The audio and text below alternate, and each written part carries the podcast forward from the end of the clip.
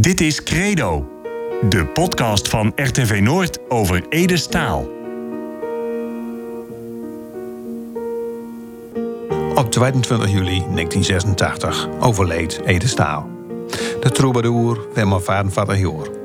Nog steeds is hij een ongekend fenomeen. Zijn versjes, zijn verhalen raakt ons grunnigers in ons hart, in onze ziel.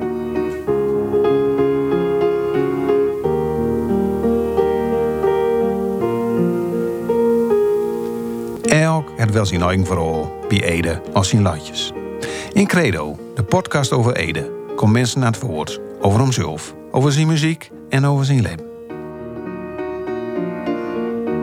In overleven Jan en Els de Boer uit Waven. Els de Boer zijn in Waven bij Ede op de Rijks HBS. Hun man Jan was daar destijds op de Zultenschool, leraar op Frans van Staal.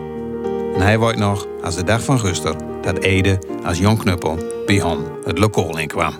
Nou, dat, de, de eerste les die ik gaf in zijn klas, hij zat in de derde klas, dacht ik toen ik. eh, ja, hij zat in de derde klas toen ik begon in 1956. Want toen was jij leraar Frans, hè? Ja, Als nou jonge, ja, ik jonge studeerde man. nog. Hè. Ik, was, Ja. ik, ik had zelfs mijn kandidaatsexamen nog niet.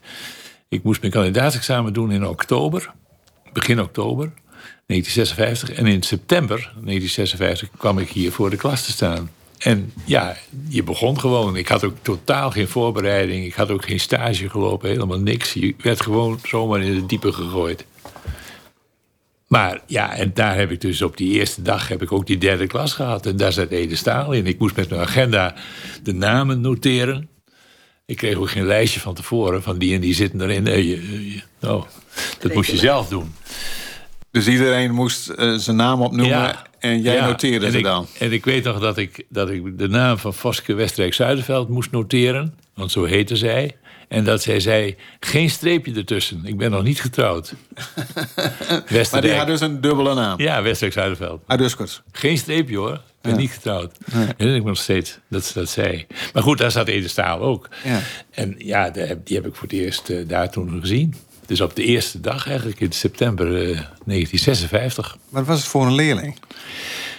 Ja, kijk, in zo'n loop van zo'n jaar en in die jaren daarna dat ik hem eh, had. Hij was, niet, hij was geen opvallende leerling. Hij, was een, eh, ja, eigenlijk een beetje een jongen die niet opviel door het een of het ander. Hij was vrij klein, zat, eh, zat een beetje vooraan, dacht ik ook.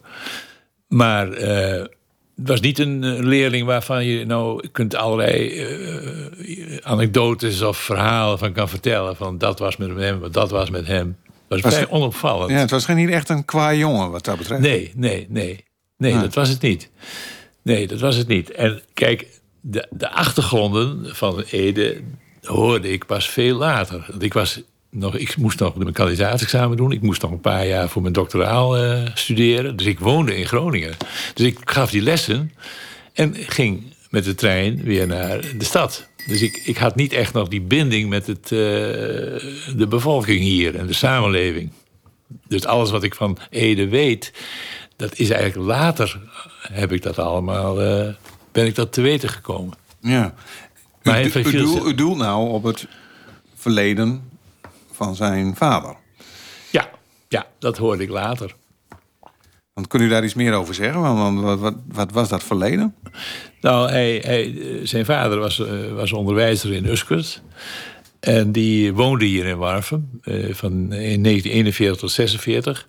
En is toen eh, opgepakt wegens zijn houding in de Tweede Wereldoorlog. Hij was dus een eh, behoorlijk, eh, ja, behoorlijk prominente aanhanger van, het, eh, van de NSB, van het nazisme. Ja. En dat hoorde ik pas veel later. En daarna had ik ook, kreeg ik ook een beetje de indruk dat ik zijn, zijn manier van doen eh, een beetje kon plaatsen. Maar dat, dat kreeg ik pas later. Ja, Een beetje, Zijn manier van doen als, als schuchtere... ja, een beetje in zichzelf gekeerde jongen. Een beetje afstandelijk. En ik hoorde dus later ook wel van, van eh, dat hij eigenlijk een beetje een, buiten eh, de groep viel. Buiten de groep. Maar nou was het wel zo in die tijd, en dat, dat wil ik toch ook wel zeggen, in die tijd van 1956, dat was een- nog steeds de periode waarin de, de, de groepen op zo'n school toch eigenlijk wel helemaal eh, ja, nog een beetje uit de boerenstand kwam. En er waren toen ook al wel eh, leerlingen uit de middenstand, zeker. Maar het bleef toch een imago van deze school. En dat geldt ook De Rijks-HBS. Rijks-HBS, Ja. daar, daar gingen vooral de, de boerenkinderen naartoe... en de, en de, zoons van de dokter, de notaris enzovoort. Eh, hoewel dat toen eigenlijk begon te veranderen, dat moet ik wel zeggen. En bovendien is het natuurlijk iets wat in de hele samenleving nog zo was. In Twente had je de textiel eh, mensen. Hè, en, en nou ja, goed, de Rijks-HBS op zich is natuurlijk een, een instituut wat is ontstaan eh, om de, laat ik zeggen, de, de economisch welvarende bevolkingsgroep, om daar de kinderen van op te leiden. En die wilden niet naar het gymnasium. Nee, dat maar- was er natuurlijk al lang. Maar kan het dan zo zijn dat hij zich daar ook niet thuis voelde? Dat hij tussen, nou ja, zeg maar, de boerenstand zich Ja. niet helemaal zijn hang voelde? Dat zou kunnen, hè? Dat zou best kunnen, ja. Kijk, die, die, die boerenkinderen waren ook... Els, Ja. uw vrouw. Ja, Els die zat in klas, Ja. die zat in klas eh lager. Lager. Maar bij ons in de klas was het ook een beetje zo. Daar had je, had je de rieke boeren uit, uit Uskwert en uit Huizen en zo. En ik kwam uit Winsum, dat was een heel andere stand eigenlijk. Oh ja, en, eh, en er waren kinderen die hadden dus... eh, ja, die kwamen uit de... Uit de arbeidersklasse of zo.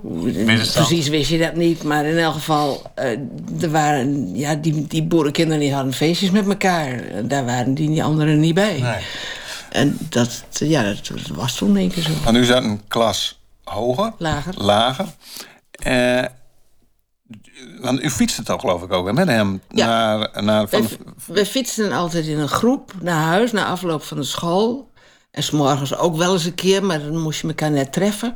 En ik ging naar Winsum en hij ging naar Leens. Dus tussen Warfum en Buffalo fietste hij in onze groep. ja, sprak je dan wel eens met hem? Nou, hij was niet. Hij. hij nee, hij, hij praatte niet zo met meiden. Dat, eh, ik weet niet, dat vertrouwde hij zich nog niet toe. Hij was ook heel klein, dus misschien dat hij daarom. Maar hij was een beetje eigenwijs en een beetje eh, voor zichzelf. En, eh, en, hij, Nu Niet echt geliefd onder de meiden, maar sprak je dan? nee, maar hij was ook niet zo opvallend, hè?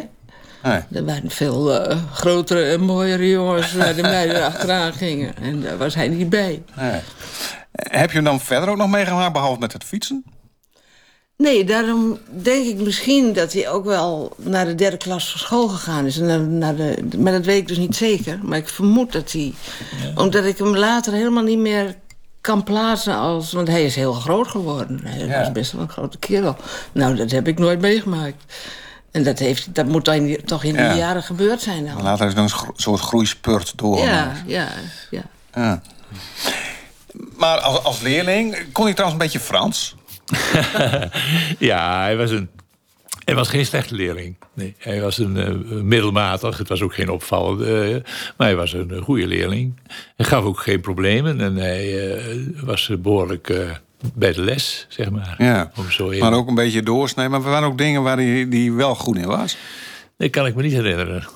Kan ik me niet herinneren. En, en, en qua Frans heeft u wel zo'n voldoende gehad. Nou, dat, dat zou ik niet weten.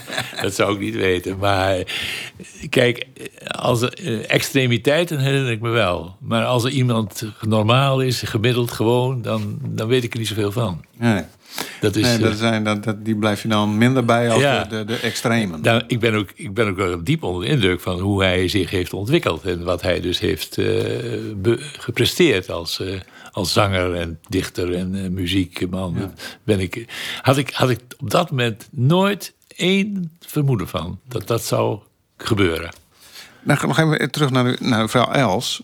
Ehm, had hij dan wel vrienden eh, in die groep? Had hij in de klas? Had hij, eh, dat, hij, dat hij dacht van, hé, hey, daar ging hij wel mee om? Nou ja, hij fietste, hij fietste wel vaak met, eh, tenminste dat meen ik me te herinneren, met Flip Buurmeijer.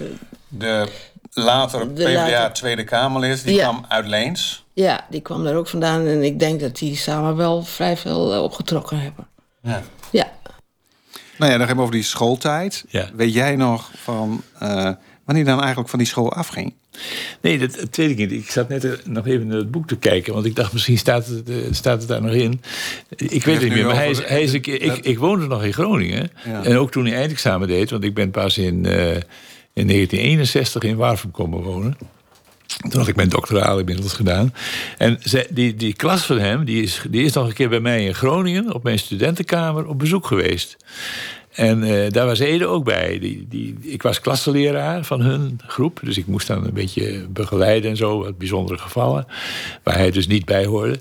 En eh, dan... eh, toen zijn ze bij mij geweest om, eh, om afscheid te nemen. Eh, dus ik waarschijnlijk na, een eind, na het eindexamen of zoiets, dat weet ik niet meer. Maar ik heb daar ook een foto van, maar die kan ik niet vinden. En eh, daar zie je Ede ook met een glas wijn in de hand, want het was een leuk feest. Ze kwamen bij, allemaal op mijn kamer. Ik woonde in de Tuinbouwstraat. En nou, dat was een groot feest. Nou ja, ik was natuurlijk ook nog jong. Ik was nog in de studentenleven. Ik zat nog helemaal in het bekende eh, studentenwereldje. Dus eh, ik had daar helemaal geen erg in dat ik wijn eh, schonk aan die kinderen, aan die jongelui. Dat vond ik heel gewoon. Dat deden we altijd. Dat Dus, hoorde er gewoon bij. Dat hoorde er gewoon bij. En dat vond men- vonden zij ook helemaal niet erg. En eh, daar was Ede ook bij. En eh, een glaasje wijn ook, ja zeker. Dus dat, en dat staat ook in dat boek, dat ze bij mij afscheid kwamen nemen. Ja. Ik kan me herinneren dat er in het boek staat van... ja, er werd stevig gedronken en stevig gerookt. Ja, ja, dat heeft die schrijver ervan gemaakt. Eh, Dat zal wel goed zijn. Ja, Dat is de biografie hè, van Henk van Middelaar. ja, ja. Dat, ehm, Geef me de nacht heet het boek. Ja. Ja. En daar staat dat Ja, die passage in. Ja, want die heeft mij ook eh, gevraagd over eh, Ede en zo, Ja. wat ik daarvan wist. En eh, zo heeft hij dat ook geschreven. Ja. Je zei net, ik heb een foto van dat feestje bij mij thuis. Ja, die heb ik ergens, maar kan ik niet meer vinden. Maar je hebt nog hier nog wel een foto. Een soort, soort klassenfoto. Ja, dit is de klassenfoto van waar Ede Staal op staat. Voor de deur van de Rijks HBS Ja. in Warfum. Het gebouw wat er nog steeds staat, wat nu een appartementengebouw is. En eh, daar staat eh, Ede, ligt daar eh, vooraan. Hij was, nogmaals, hij was wat klein, dus hij, hij liep met gymnastiek vooraan. En hij liep met de, de klas had hij vooraan. En de foto staat hij vooraan. Dus dat, dat wel. Ja, Dat- jezelf staat voor de deur, middenin. Ik sta zo op de deur, ja. Ja. Ik, ik, ja, zeker. Ik was toen eh 23. En als ik het goed heb, dan zit hij hier helemaal vooraan. Hè? Ja, daar. Ja. Ja, ja. Een truitje aan, blouseje eronder. ja, Stutsie koornbroek, zoals in het mooie Groningen dan altijd zeggen. ja. ja. Ja. Ja, dat is toch wel een bijzondere foto dan. U heeft altijd bewaard. U hebt de namen er ook achterop gezet. Derde Ja. klas, 1956. Dus nog een paar namen mag noemen. Greef Veenstra, Kees Wijma, Marta Spoelma. Hier Ulfert de Lange. ja. Nee, die had dezelfde naam als Ede aan. Ede Ulfert.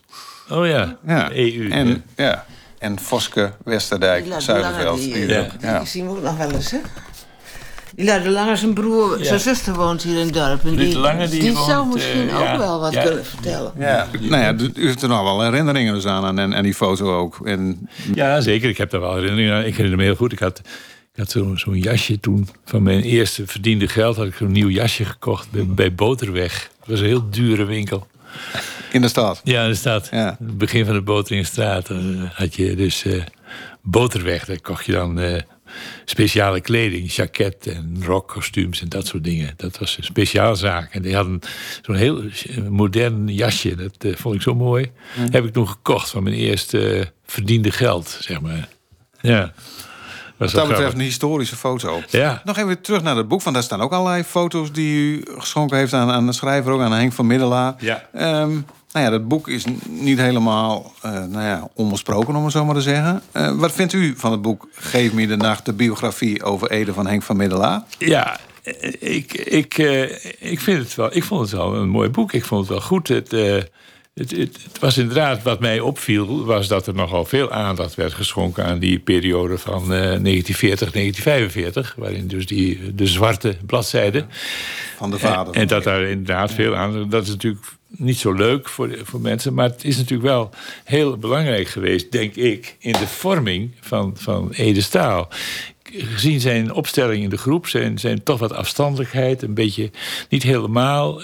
Dat heb ik later kunnen, kunnen plaatsen door die situatie. Want als je vanaf je vroegste jeugd tot aan je zeventiende met deze situatie te maken hebt, en die vader die had natuurlijk toch wel behoorlijk wat uh, op zijn kerststok, dan. Uh, en die heeft dus ook heel lang uh, in, in, Leeuwarden is die dus gedetineerd geweest. En dan ging, ging zijn vrouw, die ging daarheen. En Ede ging soms mee.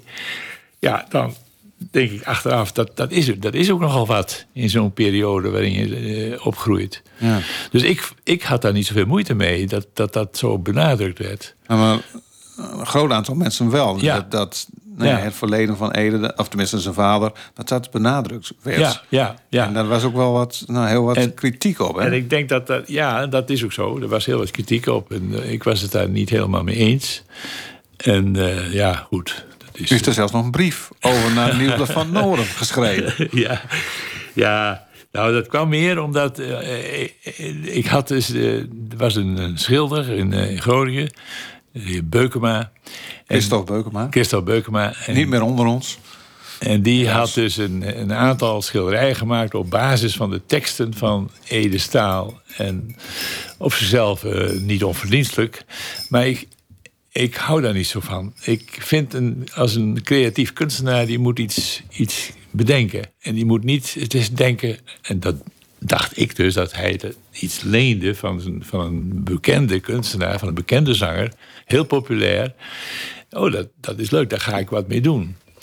En ja, dat kan je op verschillende manieren opvatten. En uh, nou ja, dat, dat, dat, dat, deed hij dus. Hij schilderde, hij maakte mooie schilderijen over die teksten. Ja, maar hij had maar, ook kritiek op dat boek. Maar toen had hij nog wat kritiek op dat boek. En niet, niet ongezouten. Ik heb die tekst bewaard in het, dat wat die Beukema schreef over dat boek. Van dat ja. moest, was een gedrocht en het moest uit de handel genomen worden. En, nou, enzovoort, enzovoort. Ik dacht, nou, man, als ik, uh, jij bent iemand die uh, maakt gebruik van, van uh, Ede Staal. En, en dus iemand die heeft allerlei interviews, allerlei onderzoek gedaan. En dan is dat accent misschien wel wat zwaar. Maar het past jou niet, vind ik, om daar. Nee, maar dat, dat, dat stond in een artikel van Harry Wubs, de toenmalige uh, verslaggever van het Nieuwsblad van het Noorden. Ja. En daar, in dat stuk leverde hij dus kritiek. En toen dacht jij van hey, hier, uh, dit zint mij niet. Nee. Ik, ik, klim in de pen. Ja, ja, en ik heb dus hem verweten dat hij uh, toch een beetje gebruik maakte van de, de, de roem en de reputatie en de bekendheid van een bekende volkszanger.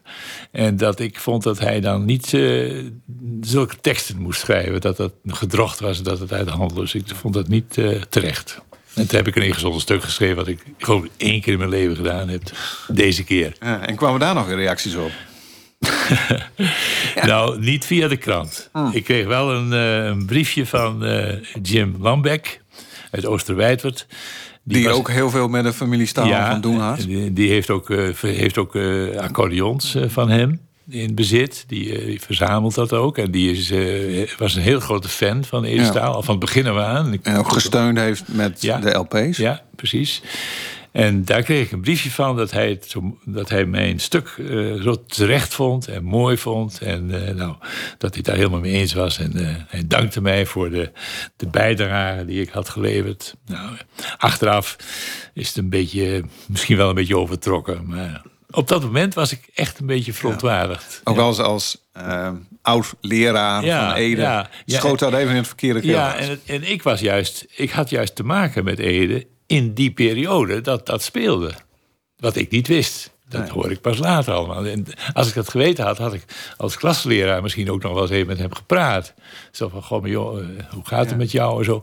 Maar ja, dat, dat, dat was hij toen praatte daar zelf ook niet over? Nee, hij praatte er niet over. En ik was natuurlijk ook spoorstudent, eigenlijk nog spoorleraar. Ik moest dus, dus ik had ook niet, zoals nu, moet je, moet je op school blijven voor allerlei gesprekken en zo. Dat was er toen nog niet.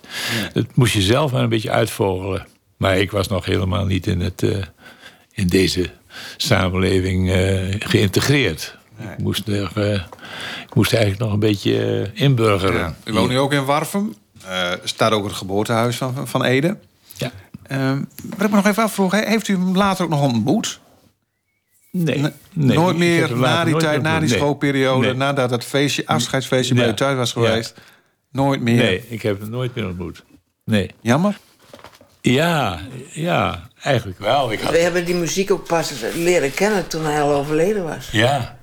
ja, het was Het is, vrij... eh, eh, gek. het Ik was- weet nog dat wij op een eh, verjaardagsfeestje waren. Of nee, een, een- ja, een soort verjaardagsfeestje Ja, hier ja. op een boerderij. En dat, dat iemand zei, Ede Staal is dood. En toen zei ik, Ede Staal, die zat vroeger bij ons op school. En toen zei hij, ja, die zingt. Nou, dat wist ik helemaal niet. ja. Dat is pas Ja. veel later. eh, oh, dat, ik na die wel. tijd hebben we dus... eh, Ja, maar ik wist het wel. Want Jij wist het wel. Jawel, want ik luister altijd naar eh Suzanne op, eh Op zondagmorgen. Oh ja. op eh Slopen Stil en zo. Met en daar zong hij altijd die liedjes. Dus ik, ja, nee, ik wist er wel wat van. En eh, er waren ook wel andere mensen die al toen al helemaal eh begeesterd waren, van, ja. zijn, eh, van zijn zangkunst. Zo. Maar wat, wat- nog even terug naar je vrouw. Wat, wat dacht jij toen, dan, van, toen je dat hoorde van Edestaal, zingen? Hoe, hoe kan dat? Ja, dat, hebben we, dat heb ik nooit geweten. Dat is ook een complete verrassing. Ja, ja, echt. hij heeft ook nooit meegedaan met school. eh Musicals of of, muziek gemaakt of zo. Dat, Ik geloof wel dat hij in een muziekkorps speelde. Dat in Leens. Dat geloof ik wel. Dat, dat was toen al, op, toen hij nog op school zat, speelde hij al in een eh, muziekkorps, dacht ik. In Leens. Dat geloof ik wel. En, en dat hij zo vroeg overleed, dat, hij die, nou ja, dat was 44. ja, dat is natuurlijk altijd raar. Mensen worden niet overleden als ze 44 zijn, toch? Dus daar ben je van onder de indruk. Dat feestje was ook meteen een beetje vreemd. Ja. Een vreemd feestje geworden. Ja, ik weet het ook nog wel, ja.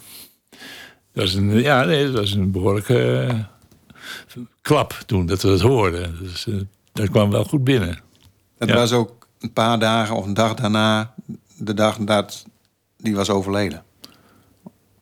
Dat, dat weten we niet precies. Maar Nee. het werd, het werd, ik denk haast dat het dezelfde dag Ja, geweest ik is. Geloof dezelfde dag nog. ja.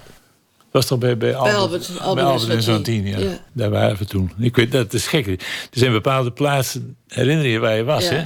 Dat is net toen, Kennedy toen overleden Kennedy vermoord. We wel. waren Ja. op, op een feestje van de Rederijkerskamer. In, eh, de, de- ik weet precies de situatie waarop dat bericht kwam. En dat was met Ede Staal een beetje zo, bij Albert en Santien. Nee. Dus dat, dat heeft dan toch wel impact eh, op je. ja. Nou ja, ook omdat je natuurlijk kende. Dat Ja. speelt, gaat natuurlijk Ja, dubbel. ja, ja, ja, ja, ja. ja. Dat is zeker. Ja. Nee, je kende de muziek nog niet. Van, van hoe heb je dan die muziek dan ontdekt? Hoe ben, je, een- nee, ben je een LP gaan kopen? Hoe eh, is dat gegaan? Ja, hoe ging dat? Je hoorde het toen ook op de radio natuurlijk. En we hebben wel bandjes gehad waar, de- waar de muziek op stond. Cassettebandjes. Ja. Cassettebandjes waren er toen nog. En eh, ja. LP's zijn we of dat hebben we niet, eh, hebben we niet gehad. Maar goed, we hebben die muziek dus wel lichtelijk grijs gedraaid daarna. en, eh, en, en we hebben het gezongen. Jullie hebben ook wel eens wat gezongen, dacht Ja. ik, bij het Schipperskoor. En wij hebben dat Ja. bij eh, Omlandia hebben we ook. eh, Genoot zingen we nog steeds. ja. U zit, u zit nog steeds bij het koor. Ja. Wat is dat voor een koor? Het, het Jacob Schipperskoor hier in Warfum. Aha. Het is een, eh ja, een shantykoor, maar wij zingen ook andere, andere liedjes. Zodra het woord water of zee erin voorkomt, is, zingen wij het. Maar ook altijd Ede dus. ja, dat doen we ook nog. Genoot zingen we nog. En, eh en eh, Delfziel, ja. maar, het, maar het, we zingen het niet zoveel, maar het, wordt- het staat nog wel op ons repertoire. Ja. En bij Omlandio, Omlandia, daar is het operettekoor, geloof ik, hè? Het was het operettekoor, maar het is inmiddels opgeheven... wegens vergevorderde leeftijd van de leden. En, eh, maar daar hebben we, daar hebben we een, eh, ja, een soort mini-musical opgevoerd... met een flink aantal liedjes van Ede erin verwerkt als... eh, nou ja, om, Ja. om, om mijn verhaaltje eromheen bedacht. En dat is toen uitgevoerd een paar keer. Als, ik- als ik hier kom in Warfum en omgeving... en dan geef ik wel eens een lezing of wat dan ook... en dan vertel ik dan ook vaak een keer een verhaal over, over Ede... en dan merk je toch dat er onder de mensen iets gebeurt of zo. Dat, dat, dat er een soort gevoel ontstaat van... oh, weet je wel, oh. Wat was dat mooi. Is dat bij jullie ook zo? Nou ja, die, ja dat, dat kreeg je natuurlijk pas toen, toen je die liedjes hoorde en leerde kennen en eventueel ook meegedaan hebt om die te, om die te zingen. Maar dat is inderdaad. eh, Ja, dat is wel zo, ja. Dat is, Het komt ook door zijn stemgeluid. Het, hij heeft een hele mooie bronzen stem, hè? heeft een hele mooie stem. Het, is een, het komt altijd goed over, vind ik. De, tekst en, en de, de manier waarop hij zingt, uh, zijn stem, zijn timbre en alles is. Uh, ja, het past gewoon. Past bij iemand. Het, uh, je hebt van die mensen, dat is, dat, ja. André Hazes heb je ook, ook zo'n zo volkszanger. Dat is dan weer een heel andere cultuur, natuurlijk. Maar het, Ede is gewoon compleet uh, Gronings in alles, vind ik. Ja. En zijn er ook nog nummers dat je denkt van, nou, daar, daar, daar, heb ik wel iets mee. Dat je denkt van, zo, als ik dat, op, als ik dat hoor of als ik dat opzet of wat dan ook. Dat je denkt van, nou, dan uh, kriebelt mij wat over, over de ruggengraat. Nou ja, we hebben dus, ja, het bekendste is natuurlijk Mitoentje. Daar zijn wij als tuinmensen ook wel. Uh, maar ik vind, ook, ik vind dat uh, het Het nog nooit zo donker was, vind ik ook wel heel, heel mooi. Met het, het Hoeske Achterdiek en zo. En dan vind ik ook wel heel mooi. Ja, ja, ja dat vind ik wel een. En, en waarom Mitoentje? Nou, mijn echtgenoot is een fanaat, een tuinfanaat. En we hebben hier een een tuin die open is voor het publiek. Dus we hebben een uh, showtuin, zeg maar. Els is tuinontwerpster geweest. Haar hele leven eigenlijk. Ja. Dus die heeft heel tuinen ontworpen voor anderen. En nu... Uh, en we hadden dan, ze had dan klanten en die zeiden... ja, we willen eerst bij jullie zelf kijken hoe het lijkt. En dan kwamen die mensen kijken en dan... Nou, dan moesten dus een opdrachttekening uh, maken, ontwerp maken. Ja. En die tuin van ons is nog steeds open. We krijgen nog steeds een groot aantal bezoekers ieder jaar. Ja. En want mijn toertje, dat gaat natuurlijk niet over een siertuin. Dat nee, gaat over een moestuin. Ja, maar die heb ik ook. Oh, dat is er nog een beetje ja, moestuin ja, ja, ja, ja. Daar heb ik vanmorgen nog, uh, ben ik er nog weer bezig geweest. Ja. Gieteren, hè? maar als je, als je dit nummer dan hoort, dan krijg je echt het tuingevoel. Ja, ja. Het is wel. Uh, het spreekt mij wel aan, want het is inderdaad zo. Ja, dat gaat allemaal fout. ja, het gaat dit jaar Tuinier is oorlog. Het gaat dit jaar ook allemaal weer goed. Met te veel te drogen. Ja. Jouw, zo, jouw broer zal er ook wel last van hebben, denk ik. Regenen. Ja, mijn broer is boer en uh, die, uh, ja, die uh, zit ook wel naar de lucht te kijken en ja. wacht tot er een beetje regen komt. Nou, vannacht, hè? Vannacht en morgen. Kijk, ja. Maar goed, dus het, vind ik, wij vinden we dat een heel leuk nummer, hè? Ja. Ja, het is heel leuk. Het is, Lu luister je nu nog wel eens naar, uh, naar Ede? Je had het over cassettebandjes en zo. Maar dan, nee, het... Oh, hier, zo dat we dit opzetten? Nee, nee, dat niet. Nee. Maar zodra er iets over Ede uitgezonden wordt, dan zijn we er wel vaak bij. Kijk, dan ja. luisteren we wel eventjes ja. met een extra oortje. Ja. Maar we hebben wel, uh, we hebben wel cd's van hem. Maar we zijn niet, uh, wij hebben, ja, we draaien niet veel zelf cd's. En als je die muziek hoort, dan, dan ja komt toch wel weer dat gevoel. Ja, en dan, dan zie je dan ook dat, dat de, de jonge Ede dan in de klas zit als je dat hoort? nou, eh, eh, ja, het verschil is heel groot. Hè? Als je hem zo ziet, uh, er zijn er wat opnamen natuurlijk. Die worden steeds weer gehaald. Dat is ja. dezelfde opname. Dat, ja, zo staat. En in Veendam. Met die snor. Ja. Maar uh, kijk, wat ook, wat, dat Mintoentje of uh, het nooit zo donker was. Kijk, op onze leeftijd zitten wij nog alles in crematoria. Ja. daar worden we zo'n beetje stamgast. Ja. Want we hebben nogal een breed, breed kennissenkring. Doordat we ook lid zijn van allerlei verenigingen. En daar hoor je dat ook vaak natuurlijk. Dus dat is ook een, uh, steeds weer opnieuw. Een, ja, het is weer een raar onderwerp, maar het is wel zo. Ja. Ik kom er nogal uh, enkele keren per jaar. En, uh, als, er, als je daar dan bent, dan hoor je Ede ook. Ja, ja, ja dus zodoende blijft het wel contact. Ja, ja. Ik kon luisteren naar Credo, de podcast over Ede Staal. Met veel plezier mocht door Erik Wilzeggen en Roel Schreuder. Voor RTV Noord. Ik weet er is een tijd van komen. En ook een tijd van gewoon. En alles wat er tussen ligt, ja, dat is mijn bestaan.